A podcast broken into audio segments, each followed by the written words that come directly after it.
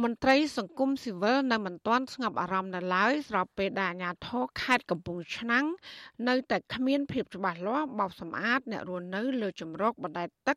និងបែរចិញ្ចឹមត្រីក្នុងបឹងទន្លេសាបក្រុងកំពង់ឆ្នាំង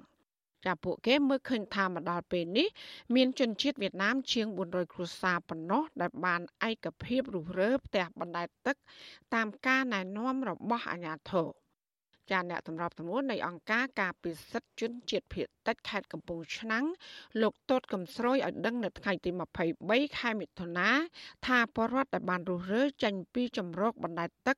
ក្នុងបឹងទន្លេសាបភៀកច្រើន បានមកតាំងទីលំនៅឆ្ងាយពីច្រាំងទន្លេសាបប្រមាណ100ម៉ែត្រក្នុងស្រុករលាផ្អៀនិងក្រុងកំពង់ឆ្នាំង។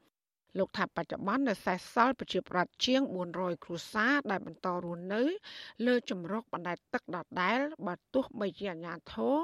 បានដាក់អសន្នវត្តជាច្រើនមកហើយក្តី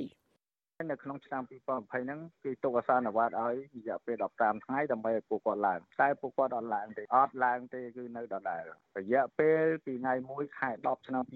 2018រហូតដល់ពេលនេះតើការចិញ្ចឹមត្រីរយៈពេលប្រហែលឆ្នាំដែល បានលោកសួរថារយៈពេលប្រហែលឆ្នាំហើយដែលសូមពជាមកអញ្ចឹងទេគួរតែពិចារណានៅលើការពជាខ្ញុំយល់ថាជារឿងកំសោយរបស់អាជ្ញាធររបស់អាជ្ញាធរដែលចាត់ចែងបាទចាមន្ត្រីសង្គមសិវរូបនេះកោតសរសើរអភិបាលខេត្តកំពង់ឆ្នាំង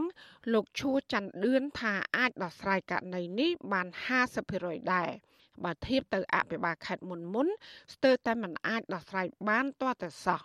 ក៏ប៉ុន្តែលោករិគុណអាញាធរថាគ្មានភាពច្បាស់លាស់ដើម្បីអនុវត្តច្បាប់អន្តោប្រវេសន៍ពីព្រោះមានជនជាតិវៀតណាមរស់នៅខុសច្បាប់ពុំឃើញមានអាញាធរចាប់បញ្ជូនពួកគេ ទៅប្រទេសវៀតណាមវិញទេចាស៊ីស្រីនៅមិនទាន់អាចតតងអភិបាលខេត្តកំពង់ឆ្នាំងលោកឈួរច័ន្ទឌឿនដើម្បីសុំអត្ថាធិប្បាយជុំវិញបញ្ហានេះបានទេ នៅថ្ងៃទី23ខែមិថុនា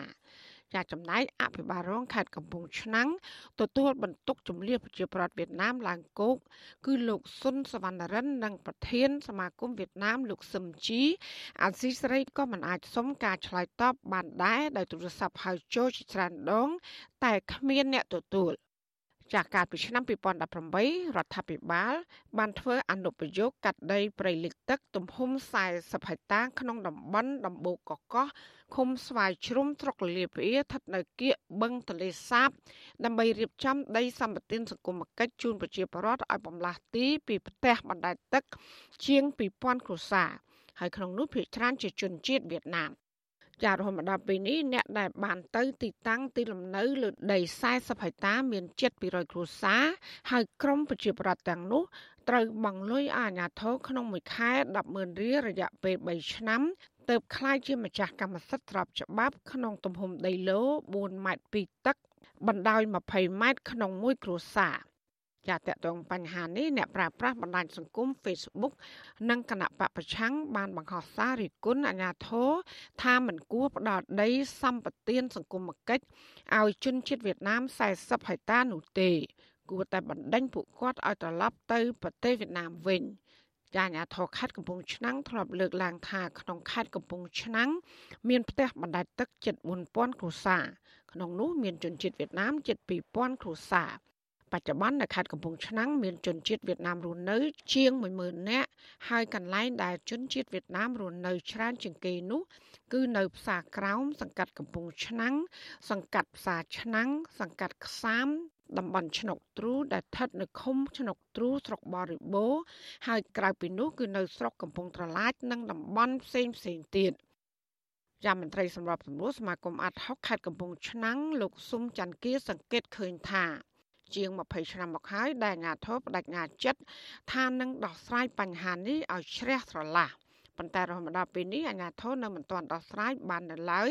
ហើយដែលធ្វើឲ្យប៉ះពាល់ដល់បរិស្ថានទន្លេសាបនិងជីវៈចម្រុះចាលោកបារម្ភថាការពជាពេលដោះស្រាយរឿងនេះគឺនឹងធ្វើឲ្យខូចខាតប្រយោជន៍ជាតិធំធេងជាពិសេសគឺប៉ះពាល់ត្រីក្នុងបឹងទន្លេសាប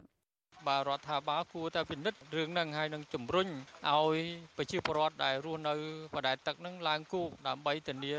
បរិស្ថានហើយបើការបដិញ្ញាចិត្តដូចដែលអាជ្ញាធររដ្ឋធ្លាប់បានបដិញ្ញាចិត្តជាង20ឆ្នាំនេះខ្ញុំមិនជឿថានឹងបានជោគជ័យដោយការសន្យារបស់ខ្លួននោះទេបាទ ចាក្រុមអង្គការសង្គមស៊ីវិលចាត់ទុកការបន្លាស់ទីរបស់ជនជាតិវៀតណាមតាមរយៈការកាត់ជ្រៀតដីទំហំ40ហិកតានេះគឺជាចំណុចល្អដើម្បីស្ដារបរិស្ថានទន្លេសាប កាត់បន្ថយការបន្ទោបង់ចូលទន្លេ